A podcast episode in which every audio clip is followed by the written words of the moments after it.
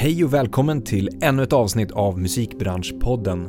Jag heter Andreas Andersson och här träffar jag spännande gäster som delar med sig av kunskap och inspiration.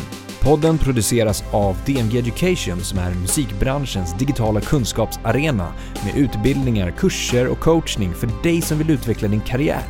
I dagens avsnitt träffar jag Karin Inde som är ordförande för Musikerförbundet. Karin, som själv kommer från musiken, fattade tidigt intresse för arbetet med rättvisa för musiker och artister när hon själv tog hjälp av just Musikerförbundet för att granska ett avtal hon hade fått. Vi pratar om allt från just rättvisa villkor för musiker och artister, arbetet som fackförbund och vad det innebär, vitsen med att vara skeptisk mot ny teknik, minimitariffer, påverkansarbete gentemot politiker och mycket, mycket mer. Varmt välkomna! Välkommen till Musikbranschpodden Karin Inde. Tack så mycket. Jättekul att ha dig här. Väldigt kul att vara här. När jag tar del av vad du gör, när man tittar lite grann på vad, vad du gör för någonting just nu, så är det ju Mm. väldigt många olika delar. Fast det var fram till förra veckan. Fram till förra veckan, okej. Nu har jag bara ett jobb, All right. faktiskt. Men då har inte internet uppdaterats då? Nej, det är just det. Men eh, vad läste du? Nej men, nej men du har ju haft en fot med lite här och var, liksom sitta med i någon styrelse där och haft en roll där och Ja, det känns som att du är engagerad i många olika frågor, många olika projekt, många olika saker eh, samtidigt. Stämmer det? så är det ju. Så är faktiskt. Ja. Ja. Men kanske att det är för första gången eh, som jag ändå samlar allt det här, kan samla allt det här i ett jobb. Okej, Och det är ju på Musikerförbundet. precis. För eh, jag tänker att du kanske har sett att jag sitter i Samis styrelse och Musik Sveriges styrelse och allt det är eh, faktiskt kopplat till Musikerförbundsrollen. Ja, Men, eh, och det har det ju inte varit riktigt innan. inte innan, för Nej. en vecka sedan då. Precis, Jättebra, Ja. men då har jag ju lite rätt ändå. det har du Ja. absolut. Har, har du ett, eh, utifrån det då, även om du eh, kanske inte har alla de hattarna eller rollerna nu, men ändå ett, ehm, eh, ett finger med lite olika delar kan jag tänka mig som din roll som, som, alltså på Musikerförbundet. Har du Ja. ett system för att eh, hantera din tid? Mm, det är en intressant fråga. Och jag undrar vad min fam- om min familj skulle hålla med mig om vad jag säger om jag säger ja. Ja, Eh, Men jag tycker det ändå. Det, är, det handlar om ganska fria roller allting på något sätt. Och, eh, men ibland har det kärvat ihop sig också. ja, Lite för mycket emellanåt blir det. ja, ja. Och väl i arbetet, om vi dyker in i det då, har, Mm. du, har du system för hur du hanterar tid där eller prioritera tid? Vilka olika projekt eller v- vart du ska möten eller? Ja, vill- du vill veta vilka appar jag har i telefonen? som jag exakt. styr upp. Nej men jag skulle ju aldrig klara mig utan min anteckningsapp. Nej, Och jag skulle aldrig klara mig utan Trello. all right. Ehm, Och, eh, och i, i praktiken är det en enda lång lista. En eh, to-do-lista som ja. du flyttar. Det är det. Nej, i Trello. nej jag, det, nu, eh, vad heter det, luras jag lite för jag har tre. Okej. Jag har nu, snart, sen. Har jag. Mhm, Den är intressant. De listorna har jag. Och nu ska, är, är inte idag utan det är nu. Ja, det är väl egentligen den här veckan, ska Ja. jag säga. Jag förstår. Ehm, Det får bli ett slags nu. Ja, snart och sen. Och så prioritera sen, det, det, det tas när tid finns. Ja, precis. Och det, sen flyttas det väl lite då. Mm. eh, Kommer det oftast, listorna. kommer det någon gång upp från sen Eh, till snart? Ja, det gör det ändå. För att sen blir ju nu helt plötsligt. Ja, Hittills har det varit så i alla fall. ja.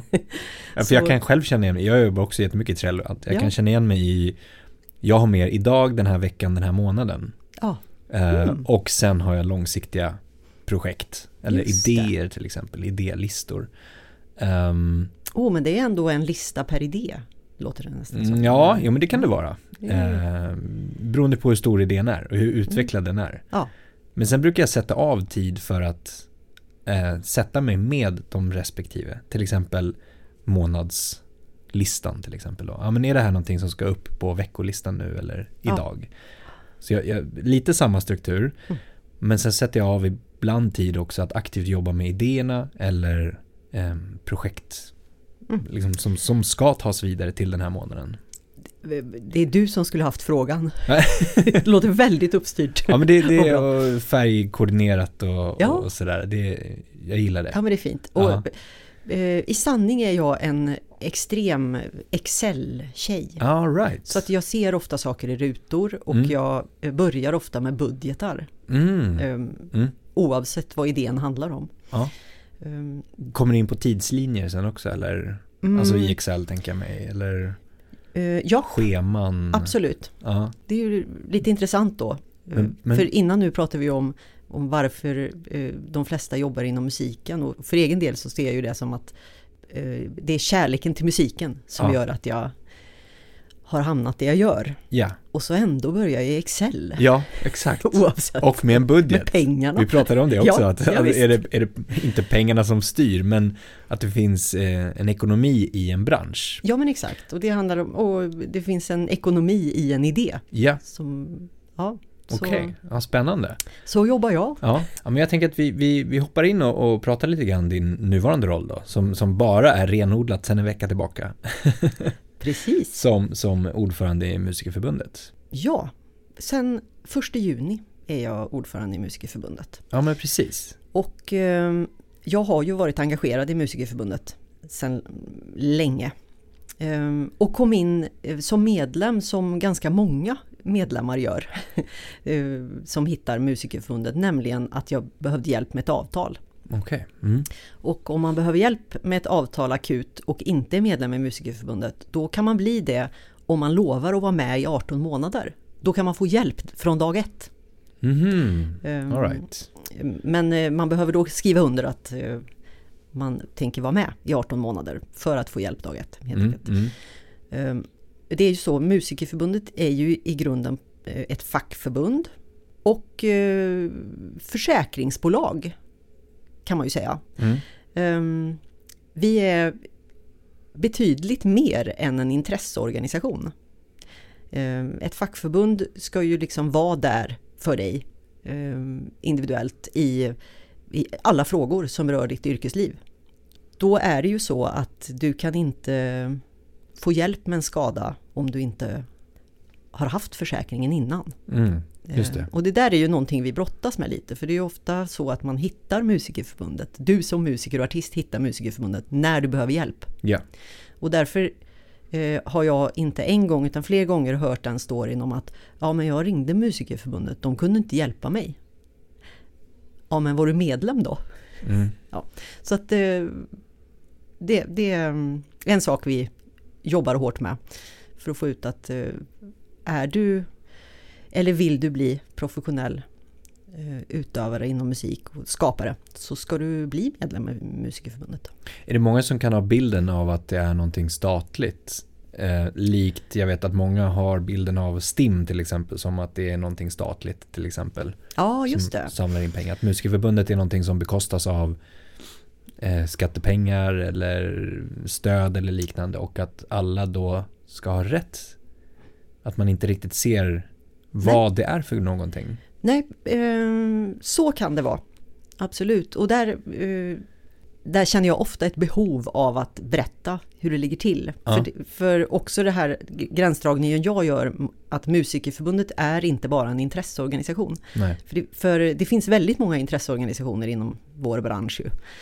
Eh, musiken. Vi är ju experter Mm. på att eh, skapa föreningar Mm. för olika särintressen. Och det är ju fantastiskt. Eh, Det är ju tecken på att vi bor i en demokrati för det första. Mm. Att vi får det. Precis. Och driva våra egna intressen och sådär. Men eh, eh, det kostar ofta lite mindre Mm. att vara med i en intresseorganisation. Att vara med i Musikerförbundet, det är dyrt. Mm. Det kostar nu, ordinarie medlemskap ligger på 340 kronor i månaden. Så det är ju en investering. Och, men det intressanta är ju då att till skillnad från många intresseföreningar så är, är det ju medlemmarna som bekostar hela verksamheten. Ja. Det är ju våra intäkter. Och det innebär ju att eh, när kulturpolitiska vindar blåser åt fel håll och kulturstöd försvinner, då står den här kroppen stark. För att vi finansierar oss själva. Mm. Och eh, då, förutom att vi har alla de här delarna, att vi driver kulturpolitisk påverkan gentemot eh, politiker, men lika mycket när det handlar om arbetsmarknad och, och så är vi inne då eh, på konkret nivå när det handlar om att reglera villkor och hitta avtal med våra motparter. Ja, som ju det. ofta är också våra medparter, ska vi säga. just det. Så det är inte alltid det är så svart på vitt att så här, kom, så här går det till.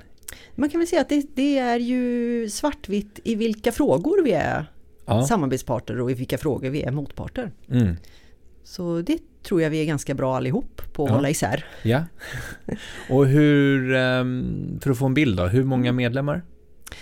2500 ungefär medlemmar. Och du Vi nämnde skulle också, kunna vara jättemånga fler, mm, enligt mig.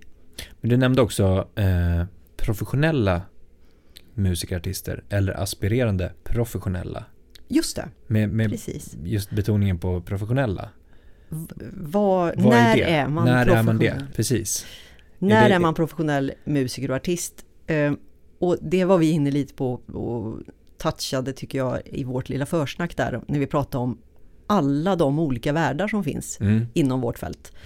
För inom Musikerförbundet så har vi allt ifrån de artister som försörjer ett helt gäng Ja. eh, med eh, stora arenakonserter. Eh, De får man väl kalla professionella. Mm. Och sen har vi ehm, musiker som spelar i många olika sammanhang på mindre ställen, turnéer med habil inkomst.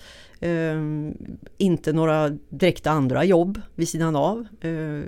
Och det, det skulle vi också lätt kunna säga att det är professionella Då utövare. försörjer du dig ändå på Precis. den intäkten så att säga. Ja. Mm. Eh, och sen har vi många medlemmar som eh, egentligen inte försörjer sig. Eh, men är professionellt på en professionell nivå. Mm. eh, när det handlar om sitt utövande eh, och skapande av musik. Och då, de, dels kan det ju handla om eh, eh, musiker som eh, söker stipendier och, och att det är en, en viktig del av inkomsten. Men det kan också handla om eh, eh, folk som är på väg upp Mm. förstås. Och jobbar för att kunna. Ja. Det gänget har ju ofta andra jobb vid sidan av. Eh, Men är i allra högsta grad hör till liksom professionen Mm. Eh, musiker och artist. Så att eh, hela det här gänget finns hos oss och det tycker jag är en himla styrka. Mm. Mm. Apropå att vi driver många musikföreningar i, med specialintresse sådär. Ehm, och om vi bara tittar på arrangörssidan, alla de stora riksförbund som finns eh, för olika delar av arrangörs, Mm. eh, alltså konsertarrangörsvärlden, så eh, är det ju ändå häftigt att eh, musikerna är ju i stort sett samlade. Det finns ju två musikerförbund ska vi ju i och för sig då säga. Eh, än så länge. Mm. För där jobbar vi ihop med Symf för att hitta en, ett samgående framöver. Just det. Så att ehm, Och lite snabbt då, Symf som är... eh, Symf är ju från början en utbrytargrupp från Musikerförbundet. Och eh, ja, jag vet inte hur intressant den storyn är. Det är vi pratar 80-tal. Ja. Men eh, det handlar ju om att eh, Musikerförbundet hade fått in eh, många yrkesroller som inte var musiker. Mm. Det handlar om dörrvakter och bingopersonal och liksom allting kring events kan man säga. Som medlemmar? Som medlemmar, Okej. precis. Men det hette fortfarande Musikerförbundet. Och då fanns det eh, stor vilja att försöka eh, skapa ett förbund för musiker igen. Eh, Och så fanns det två idéer om hur det skulle göras. Mm. En idé var att stanna kvar i förbundet och jobba hårt för att eh, ja, få in fler musiker och få ut de andra. Mm. Och så fanns det en linje om att nej men vi går, vi startar ett eget, Mm. ett annat förbund. Och sen lyckades båda vägarna. Så All kan man ju right. förklara det. Ja, det är därför. Mm. Mm. Mm. Så att eh, Symf samlar ju väldigt mycket orkestermusikerna. Mm. Eh, och det är ju, eh, ja, om man ska hårdra det i stort sett bara de som är anställda musiker. Mm. Med vissa undantag förstås. Eh, sen har vi närmat oss varandra under ett gäng år. Säga. Ja, ja. Så förhoppningen är att vi ska ha ett musikerförbund i Sverige Ja, inom några år. all right. Då får vi se. Och då har vi ännu mer världar som ska lira tillsammans. Ja, men exakt. Men jag, jag tror ju att det där är en styrka för Mm. att eh, vi Dels får vi inspiration från våra olika världar Mm. ehm, och kan hjälpa varandra Mm. och trycka upp villkor. Ja. Det är ju det det handlar om.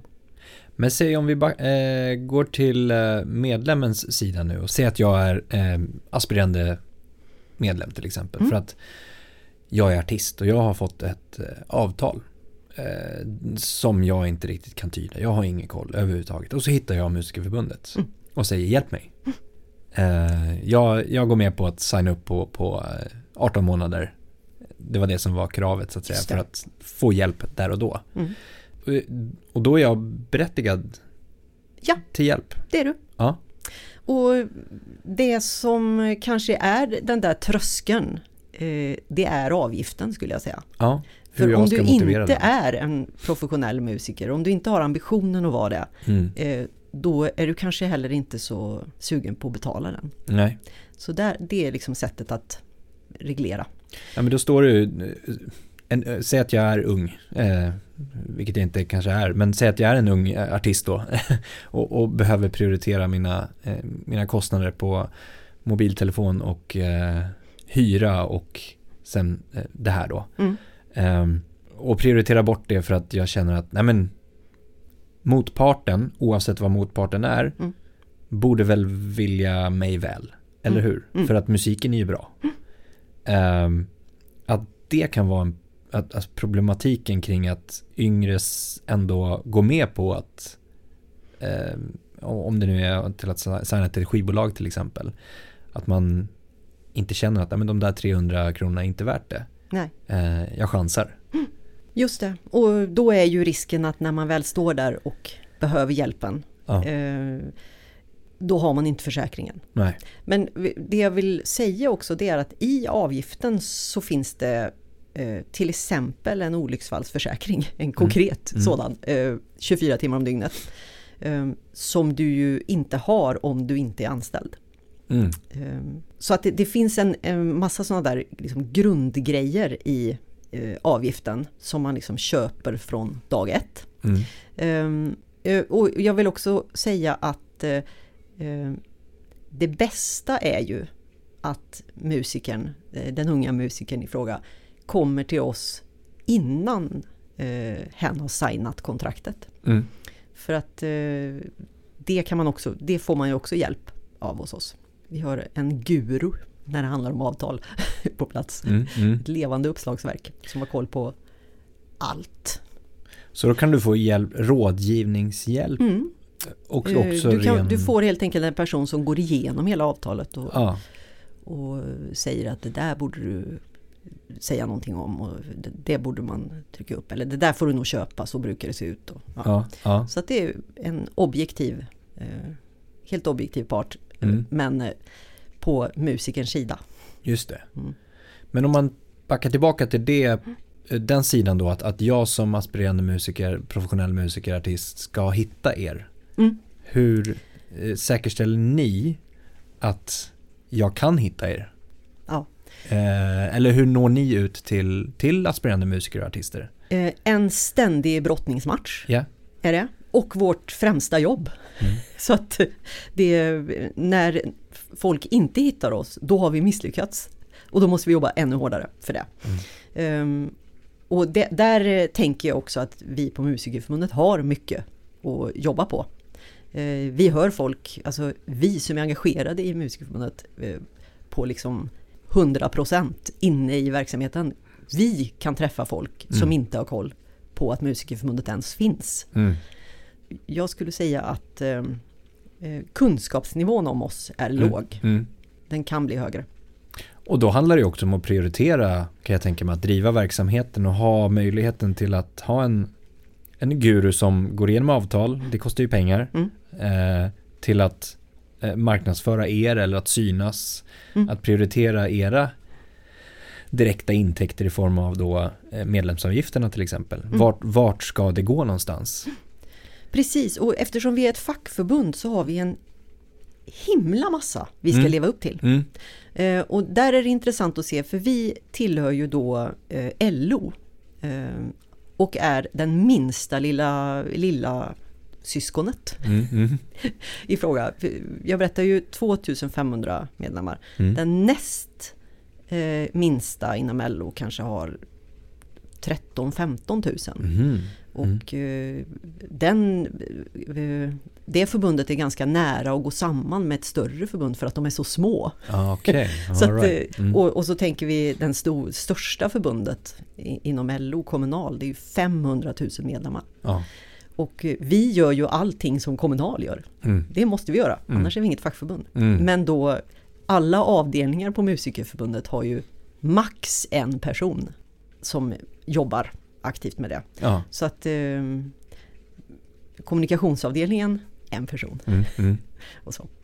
Men vad är det som styr eh, eh, Alltså så här, vad är det som ni, ni, ni kan ju och vill ju göra väldigt mycket. Mm. Vad är det som styr annat än ekonomin vad det är ni ska lägga fokus på eller prioritera eller liknande? Eh, medlemmarna styr ju helt och hållet vår verksamhet. Ja. Det ska vi ju säga. Och eh, i den demokratiska världen så är det ju stadgarna Mm. man ska gå in på. Mm. Och där beskrivs ju vår uppgift. Just det. Ehm, och eh, oavsett hur mycket pengar vi har i plånboken så ska vi hjälpa och stärka medlemmar eh, och främja deras villkor. Mm. Eh, Men, eh, faktum är att vi ska ju jobba för musiker i stort. Eftersom vi är ett fackförbund så ska vi ju, eh, jag menar individuellt hjälper vi ju medlemmarna men vi jobbar ju för yrkeskåren, Mm. musiker och artister. Just det. Det, en fin sak som jag hittade i stadgarna när jag tittade i dem häromdagen bara, så det var att det står under paragraf 1 i stadgarna eh, som ju beskriver uppgiften. Där stod det också att vi ska, kommer inte riktigt ihåg verbet, men jag tror det var vi ska höja respekten för musikerns roll i samhället. Mm. Där har vi att göra, kände Mm. jag. Mm. För det, där går det inte åt rätt håll. Svårmätt. Det är ju svårmätt hur, hur det går för oss, ja. Ja. med den frågan. Men, men jag tänker mycket kopplat till det här med att eh, vi brottas ju, vi musiker och artister, med att eh, ens själva säga att det är ett yrke vi har. Mm. Mm. Exakt. Eh, det blir liksom lite övermaga på något sätt. Att, Mm. Mm. Och Alltså- då att samhället ska göra det också. Ja, det, Mm. det finns liksom en stor ödmjukhet i oss, de flesta av oss, Ja. känner jag. Ja. Ja. Eller vad det kan vara, att det, det, att det är ett kall snarare. Mm. Mm. Och att, eh, ja, att vi är väldigt ödmjuka i, i om vi klarar att försörja oss på det vi älskar mest. Och, Ja, exakt. Sådär. exakt. och det, det riskerar ju att underminera bilden av att det är ett yrke Mm. Mm. vi håller på med. Det här med ehm, att medlemmarna i princip styr de initiativ som ska genomföras eller liksom så. Hur, hur säkerställer ni utan att behöva gå till varje enskild 2500 individ och, och fråga, behöver du det här, behöver du det här? Eh, har ni någon arbetsgrupp eller någon trendspanare eller att ni säkerställer att ni, i, ni, ni gör och tar rätt beslut. Just det, att vi håller oss relevanta. Precis. Det är ju otroligt skönt i en demokratisk struktur. Ja. att det där är ordnat. Vi har ju liksom, de som bestämmer mest i förbundet, det är våra förbundsmötesdelegater, Mm. liksom ombud. Så att eh, det finns ett system att eh, varje geografiskt område i Sverige har eh, antal ombud på vårt årsmöte, helt Mm. enkelt. Mm. Eh, utifrån hur många medlemmar som finns i området. Så förstås är det ju östavdelningen eh, med Stockholm eh, som har flest delegater. Eh, men också Göteborg och Malmö och eh, ja, där, där bor de flesta våra medlemmar. Men vi har också ganska många i norr. Mm. Mm. Men vi har dock en avdelningen i norr täcker in liksom från Gävle upp. Så ytan är stor. Men så att det, det är ju årsmötet som egentligen, och det vill säga medlemmarna, Ja, som varje år berättar vad inriktningen ska vara på vår verksamhet. just det. Eh, och sen är det ju styrelsen som får eh, årsmötets förtroende att driva verksamheten under ett år. Mm. Sen är det uppföljning ett år senare. Mm, mm. Se om vi har gjort det vi ska. Ja, Och sen är ju förstås personalen våra händer mm. som utför ja, men exakt. det vi ska göra. Eh, Men eh, sen må- måste jag också säga att eftersom vi är ett fackförbund så är det ju väldigt mycket löpande dag för dag jobb Mm. eh, som går ut på att hjälpa medlemmar i nöd. Som skulle kunna vara exempelvis? Eh, Ja men det är alltså varje dag kontaktar medlemmar oss. Allt ifrån att det har hänt någonting med instrumentet, ett stulet instrument, skadat instrument, skadad hand. Ehm, Det alltså försäkringsfrågor för dem som, så att våra försäkringar som ingår i medlemskapet aktiveras. Mm. Men det är också så här eh, en arrangör som inte betalar eh, fakturan. Mm. Eh, Folk som har skadat sig på arbetsplatsen. Eh, Musikerförbundet är ju ett ställe för problem som Mm. ska lösas. Mm. Right. Man kontaktar oss i nöd, Ja, så är det. Och det är ju det som sysselsätter vår personal mm. Mm. varje dag. Och lite för många kvällar också. Mm. Om, om du frågar mig som chefen. Men när du säger arbetsplats, då är det ju lätt att, att bara titta på det att anställd Mm. arbetsplats. Men, men en arbetsplats för en musiker kan till exempel vara Ett eh, konsertställe. en ja, konsertställe, Ja, studio. en studio. Ja men exakt, replokalen. Mm. Mm. Ehm, Det kan ju hända saker med replokalen. Ja. Ehm, Och den behöver man försäkra Mm. Mm. om ingen annan har gjort det. Ja. Eh, På Musikerförbundet har vi koll på allt hemskt som kan hända. Mm. Det, Det låter spännande. det är en bra, bra slogan. Ja, men exakt. Nej men eh, sen gör ju vi också massa så här utbildningsinriktade satsningar också. Vi Mm. har web, mycket webbinarier, seminarier eh, där, och bevakar de absolut viktigaste områdena. Mm. Senaste seminariet handlade om AI eh, förstås. Eh, och så ser vi till att eh, är med och bidrar Mm. när andra gör seminarier Mm. och, och ställer upp i paneler och sådär. Mm. Mm. Ehm, Det, det är både hjälpa till i nödens stund och ja, både i nöd och lust. Ja, vi, Ja, precis. Det var en bättre slogan. Men och sen nämnde du också att, att, att en stor del är liksom påverkansarbetet. Ja. Alltså gentemot politiker till exempel. Precis. Och när man hör det som Ja, vad tänker man musiker, då? artist, vad tänker man då? Att så här, men ja, det är väl bra, men vad betyder det? Jag tror att många kan så här, vad då påverka? Sitter man då och fikar och, och så säger man så här, vi tycker det här. Oh, jättebra fråga. Det är en pytteliten del. Jag tror det är bra att dricka kaffe med Ja, folk. ja, precis. Mm, men en otroligt liten del i sammanhanget när det handlar om påverkansarbete. För, eh, för det första handlar det om väldigt mycket samarbete och ofta i vårt fall på internationell nivå. För ofta är, är de utmaningar som vi ser, de finns i hela världen samtidigt. Eh, Även om Sverige har en tendens att ligga lite i förkant där. Mm. Jag tänker mig hela illegala fildelningen som sen blev legal. Mm. och hela streamingproblematiken för utövarledet som det fortfarande är.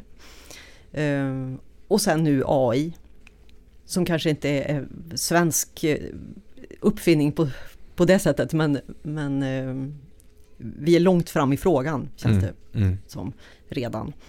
Ehm, Och eh, första steget till påverkansarbete i Musikerförbundets historia, eh, det kan nog ändå sägas att vi har ju varit emot det mesta av utveckling genom tiden. Jag hörde min företrädare Jan Granvik hålla ett litet tal om det, Ja, som handlar om AI. ja.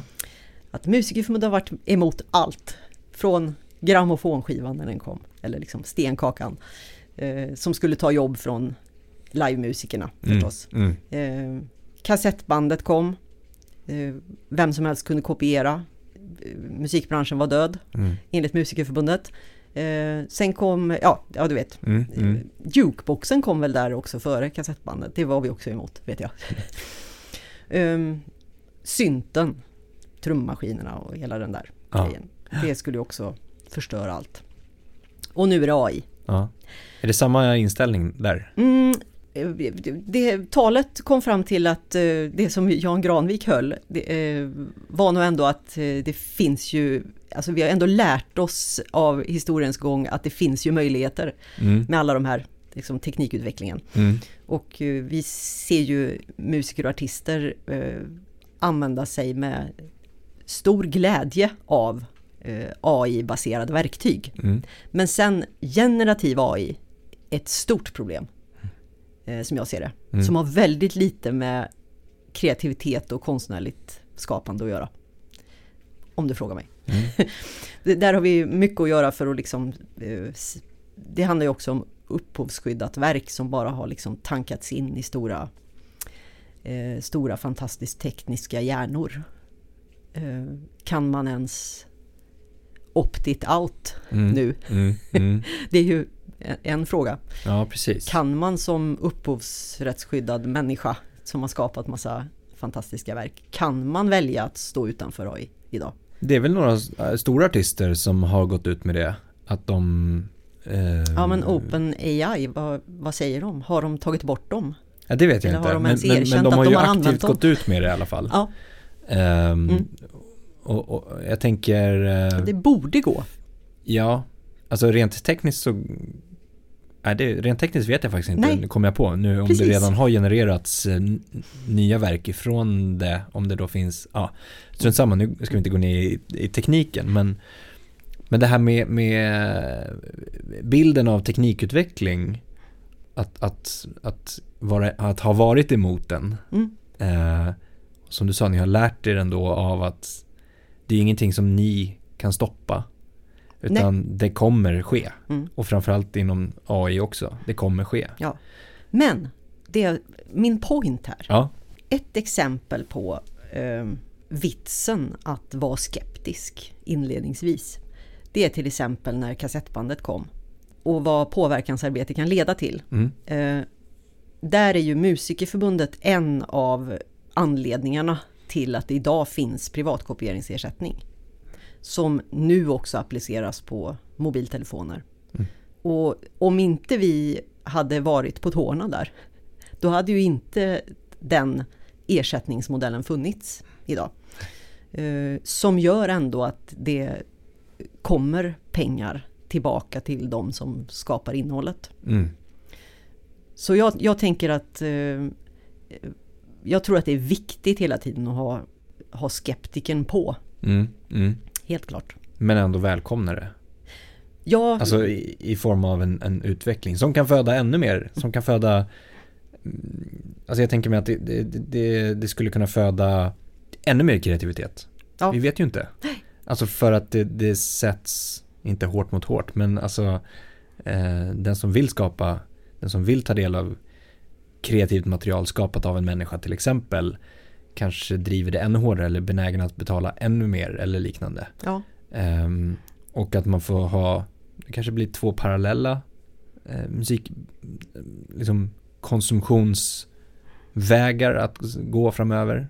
Eh, den, den ena är liksom just genererad musik utifrån ett, eh, en känsla eller vad som helst. Att det, det är användaren som kanske kan generera det på något sätt.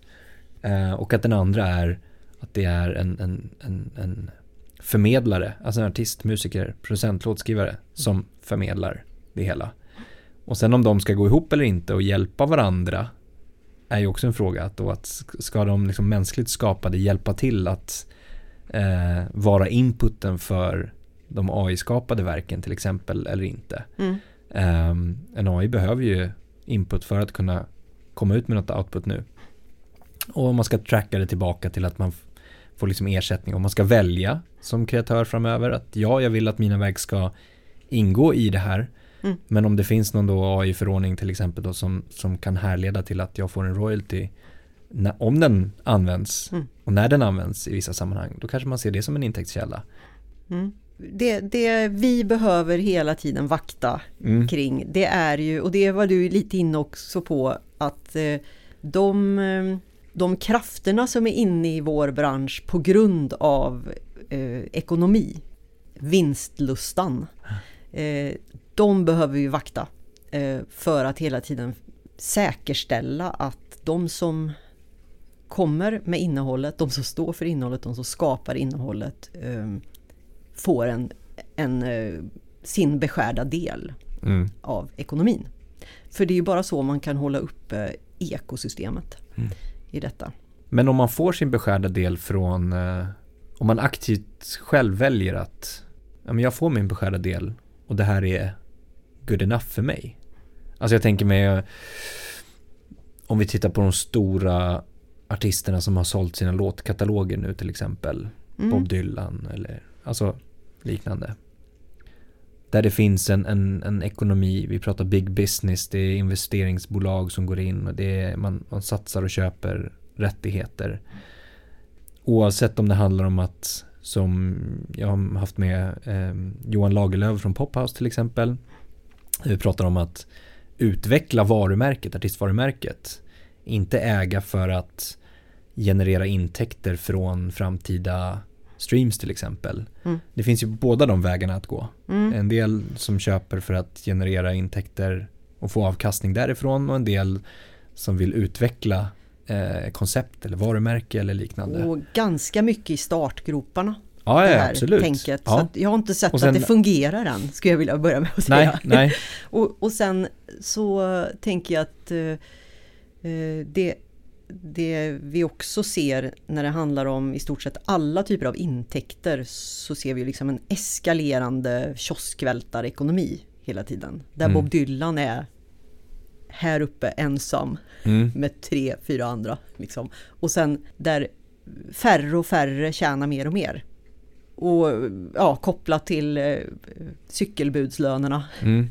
kopplat till ja, hela den här och, och där är det ju väldigt spännande att se hur, hur skulle vi kunna motverka den?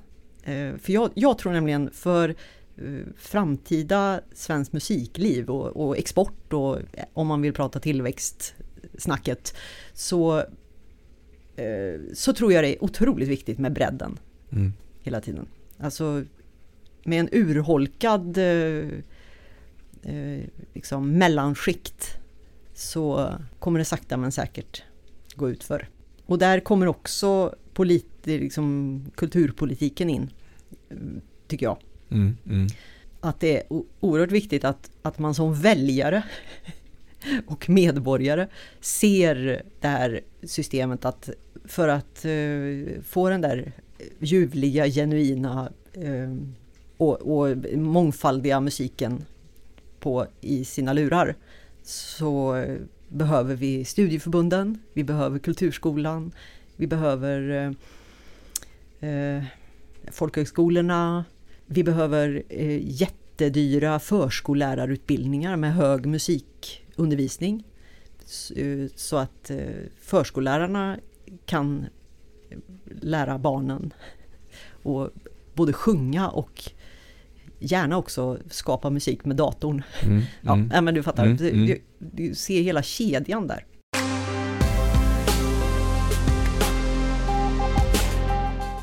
I ert arbete som vi pratar om, det handlar ju om uh, arbetsvillkor lite grann. Mm. Vi, vi, jag såg ju dig till exempel i en panel också med eh, på Samidagen Ja, eh, för några veckor sedan. Där du satt tillsammans med Joppe Pilgren från Svensk Live.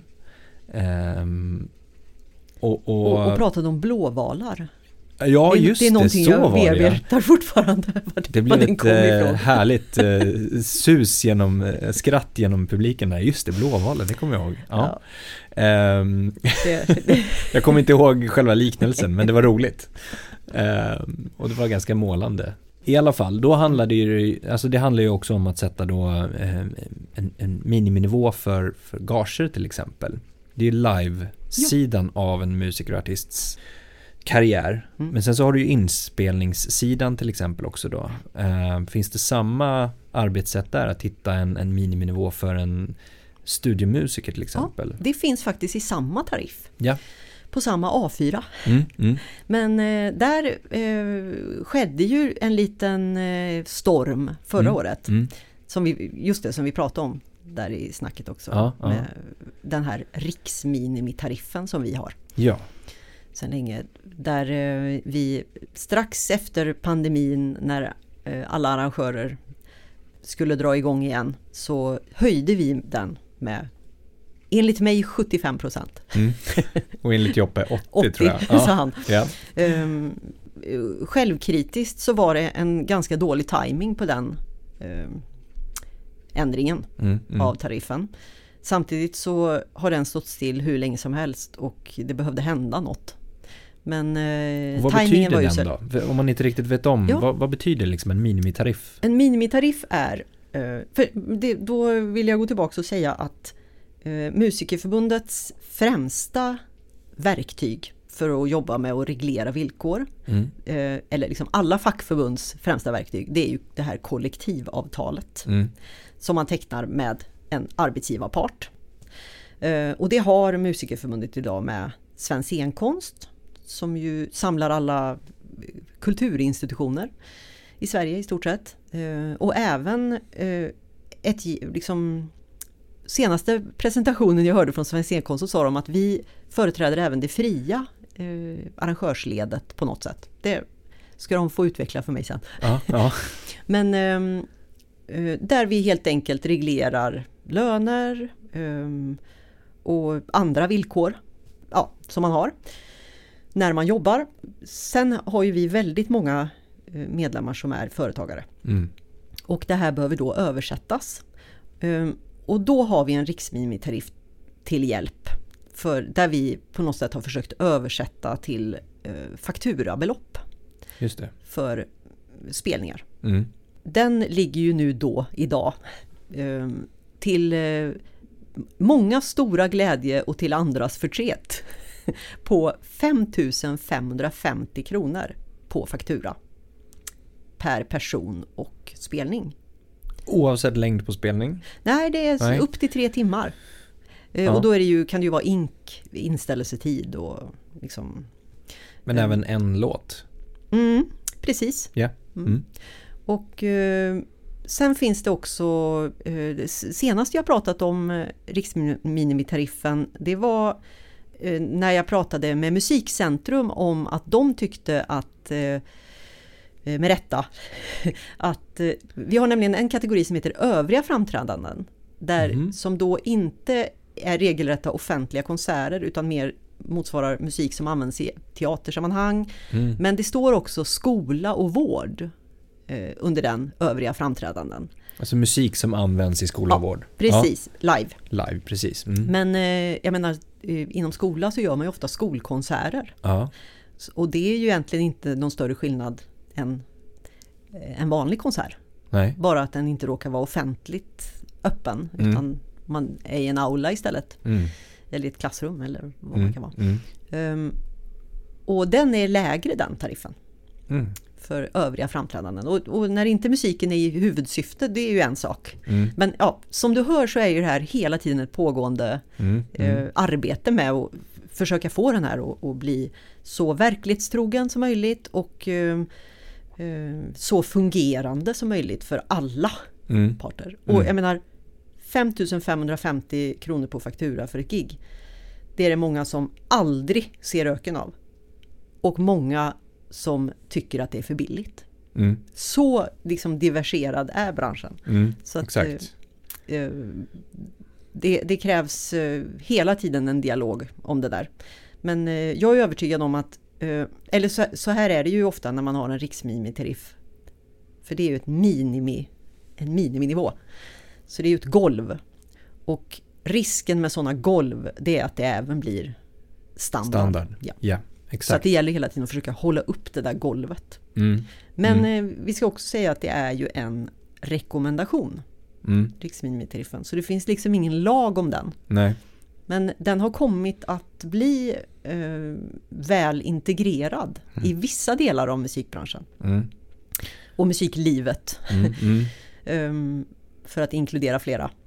För jag tänker mig att, eh, precis som du sa, en del tänker sig att 5500 spänn, det är mycket eh, att fakturera för ett gig. Mm.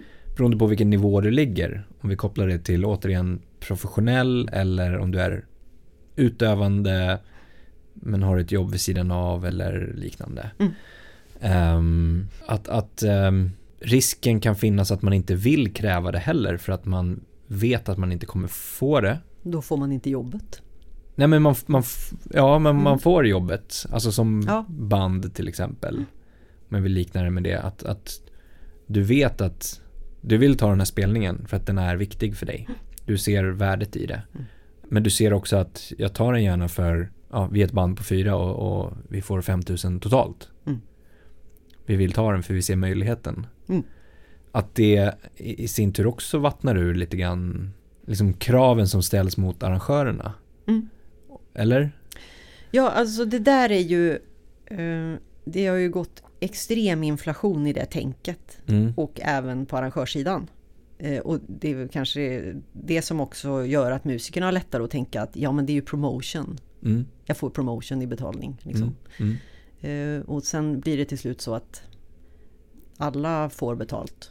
Utom musikern som är där och ska visa upp sig. Liksom. Ja. Så för det första så känns det som att, ja, och det återigen tillbaka till det här, eh, ska vi ha en profession Mm. i samhället? Mm. Ska man kunna vara professionell musiker Mm. i samhället? Och, och inte bara några få då, utan ha liksom en yrkeskår. Ja. Eh, eh, Det är ju en fråga. Det tycker jag. Ja. Det, det tjänar ett samhälle på väldigt mycket. Mm. Riksminimitariffen är en rekommendation, men det vi hellre vill, det är ju att skapa avtal med arrangörer. Mm. Eh, gärna i klump. Och det var det du hörde mig Mm. försöka få till med, med Joppe där. Ett, få igång ett samtal kring hur skulle ett avtal med Svensk Live se ut? Mm. Om ni nu tycker att riksminimitariffen suger, vad skulle ni vilja ha det på? Mm. För att jag menar när man gör ett avtal då blir ju ingen riktigt nöjd. Men man hamnar någonstans som man kan enas kring. Mm. Och, och då blir det en norm. Eh, för det gänget.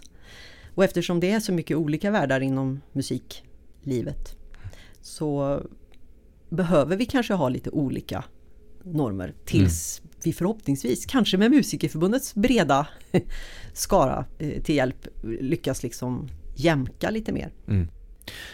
Jag måste ju gå tillbaka till mina skolor och eh, kräva lite ersättning då för alla mina konserter som jag har uppträtt på som Ja, både skolband och, och band i mina tonår. Ja men de har ju inte gjort fel då tydligen hittills. Nej, För än så länge exakt. Men, men faktum är, jag har ett motsatt eh, eh, erfarenhet där. Okej, Att eh, jag har spelat väldigt mycket på skolor ja, och det, det är de som har gett mig bäst betalt. okej. Ja, det är bra.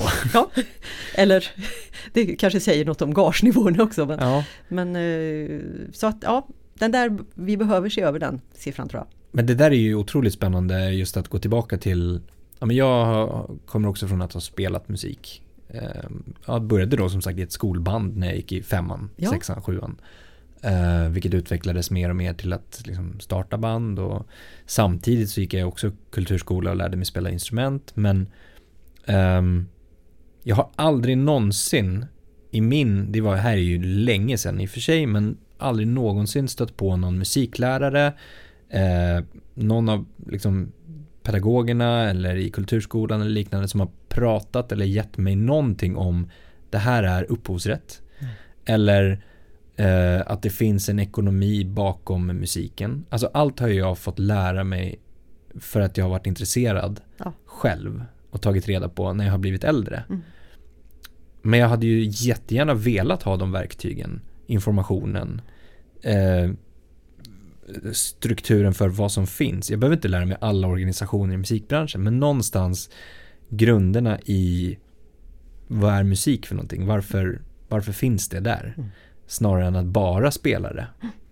Ehm, det finns ju någonstans, jag läste det, att, att det finns i den nationella kursplanen för gymnasie, eh, estetiska gymnasieskolor så ska ju alla lära sig om upphovsrätten. Mm. Och också kunna redogöra för det. Där det finns, alltså i kursplanen då, Ja. den nationella kursplanen. Eh, så ska alla kunna redogöra för upphovsrätten och så vidare. Mm. Men då behöver ju gymnasielärarna ha kompetens inom det. Vilket oftast inte är fallet. Vi har pratat med ganska många gymnasielärare också som saknar kompetensen inom allt som händer bakom. Utan man, man kommer från musikhögskolan oftast. Mm. Eh, har lite erfarenhet från att spela i coverband eller i band eller kanske till och med varit anställd någonstans som i en orkester. Um, och det är den sidan man har. Men inte den andra sidan.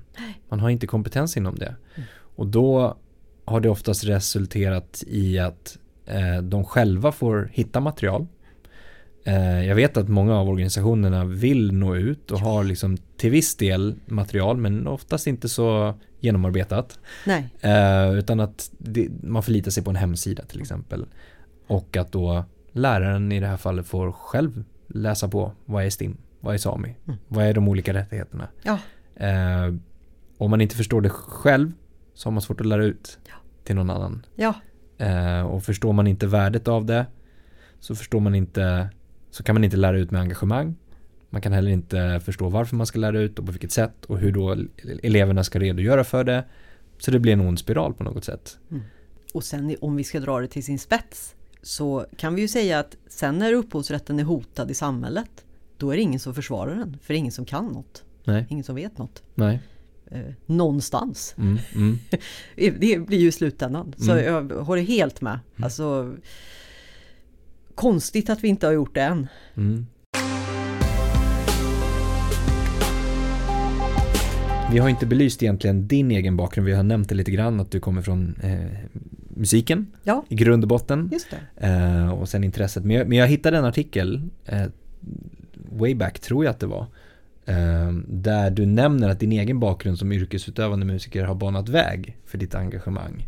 Ja, För att vara med och förbättra villkoren då för professionella kulturskapare. det skriver jag under på. Fortfarande? Fortfarande. Ja men bra.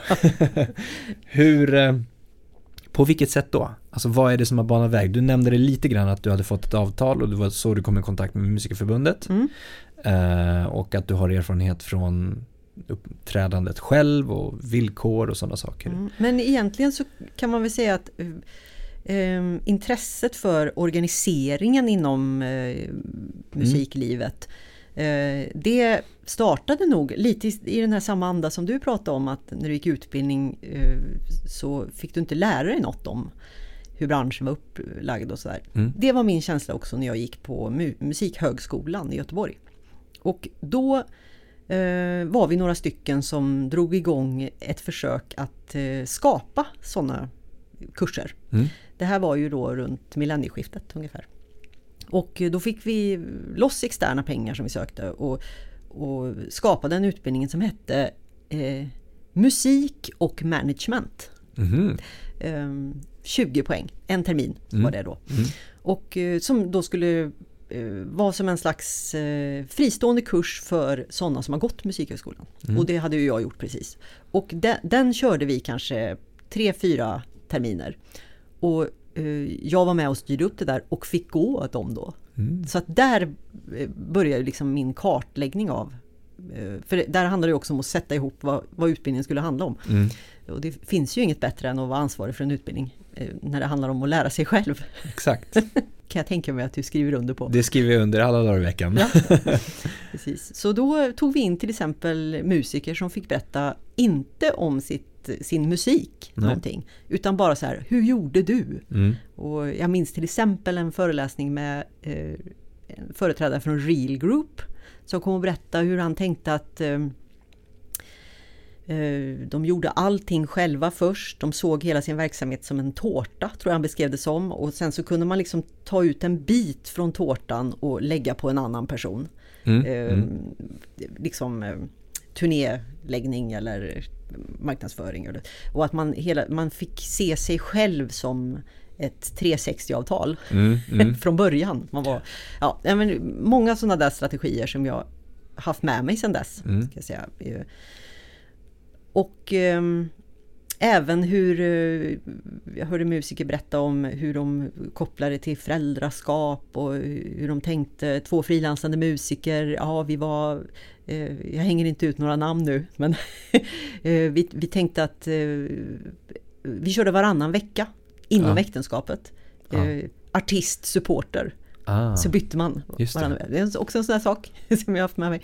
Jättemycket som jag lärde mig under den här, de här åren, Mm. med den här utbildningen. Mm. Ehm, Sen eh, gick det över i någon slags nörderi kring organisationsbygge och kartläggning av alla organisationer. Så det...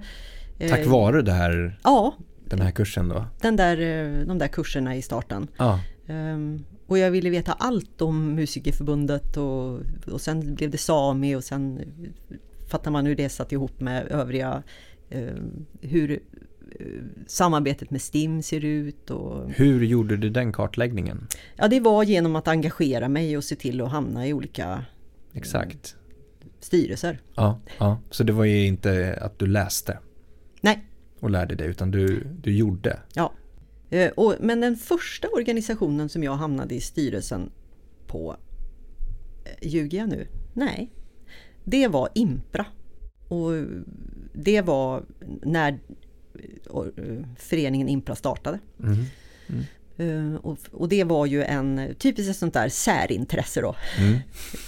En ny, ett nytt organisationsnummer som skulle eh, jobba med bara den lilla frågan. Och det handlade ju då om jämställdhetsarbete inom eh, jazz och improvisation. Där ju jag bottnar då, Mm. musikaliskt. Eh, och det var ju en otrolig ögonöppnare för mig. Eh, när det handlar om, om eh, jämställdhet Ja. och, och mönster. På, Och eh, hur, kul. hur det såg ut i den delen av branschen eller? Ja, Ja. och hur, eh, hur man blir medveten om hur man själv har Mm. agerat i detta mönster Mm. på bra och dåliga sätt. Hur man själv är en del av mönstret. Mm. Och hur mönstret påverkar kommande beslut och kommande Ja, mönster. och Mm. människor runt omkring. Ja. För jag menar, det är ju också eh, Jämställdhet är ju ett arbete för att, att könen ska kunna verka på samma villkor. Men alla som befinner sig i ett eh, eh, destruktivt mönster är ju del av problemet. Så Mm. att, eh, oavsett kön så kan man ju agera ojämställt. Mm. Eh, Eller det gör man ju oavsett. Så nej, det var mycket, mycket lärorikt. För mig var Impra, engagemanget i Impra var liksom, det finns ett tydligt före och efter där för mig. Mm. Okej. Mm. Och då handlade det inte bara om musiken som Nej. sådan? Att, att, nej. Precis, och det jag kan sammanfatta det i, det handlar ju om rättvisa Ja. helt enkelt. ja, precis. Och det är ju allt ifrån villkoren för eh, musiker kontra de oftast mycket större aktörerna som vi ska göra avtal med. Mm. Allt ifrån eh, musikbolagen och, och nu mer och mer de jätte, jättestora jättarna. Mm. Där även musikbolagen blir ganska små Mm. Mm. och där vi behöver kroka arm Mm. många frågor. Till eh, diskriminering, ren diskriminering. Men det här, eh, vad, vad kommer det drivet ifrån då? Att vilja skapa rättvisa? Ja, det är en jätte, jättebra fråga. Det är bara så att det, det känns i magen och, och att man därför behöver ta tag Ja, ja. i olika saker. Ser, du- alltså får du, för det är en ganska, jag kan tänka mig att det är lite tungrot. Det är inte en direkt effekt som du kan se genom ett, att, att bryta ett mönster eller att, att skapa en, en, ett nytt villkor eller att hjälpa till med en, en ny minimitariff eller vad det nu skulle kunna vara. Det är inte en direkt effekt Nej. som du kan se där och då utan det är ju väldigt långsiktigt och ganska så då innan man ser en effekt av det. Mm. Hur eh, ka- kan du fortsätta motivera dig själv i det så att säga? Ja, hittills går det bra. Ja, Det, men det handlar ju väldigt mycket om vilka människor man har runt sig mm, förstås. Hur kul det är. mm, Ehm, För det är ju A och O. Det går ju liksom inte att, att driva förändring själv. Ehm, Det är ju helt kört. Mm. Har du kommit någon gång kommit till kontoret från ett möte eller hem eller och bara nej det här är hopplöst. Det, det, det går inte ihop. Ja, absolut. Jag lägger har ner. googlat på elektrikerutbildningar. Ja, Eh, det, det, är, eh, det är en sak som återkommer. ja. Kanske också för att det verkar rätt kul. Okej, Men eh, spännande. när man är som extra trött så kan man tänka ut sådana där små ventiler. Ja. Mm. Då kan det vara elektrikerutbildning för mig. Mm. Men det, det, det, hittills så dyker det alltid upp roliga dagar Mm. efter sådana elektrikerutbildningsdagar. Och då vet du av, av erfarenhet av att det kommer komma, alltså efter den dippen så kommer det komma en bra dag. Där du Ja. återigen ser ljuset i, i liksom, Kanske att jag på äldre dagar Mm. börjar fatta mönstret lite mer. mm, Så här, Vid en ålder av 49 förstår man att efter regn kommer sol. ja precis. Det tar så lång tid ändå. Precis. Ja, Men eh, som sagt, eh, det, är ju inga frågor man kan driva själv. nej, Och eh, vi behöver bli ännu fler. ehm, för att det ska bli riktigt roligt. Det tror jag. mm, Eller det är jag övertygad om.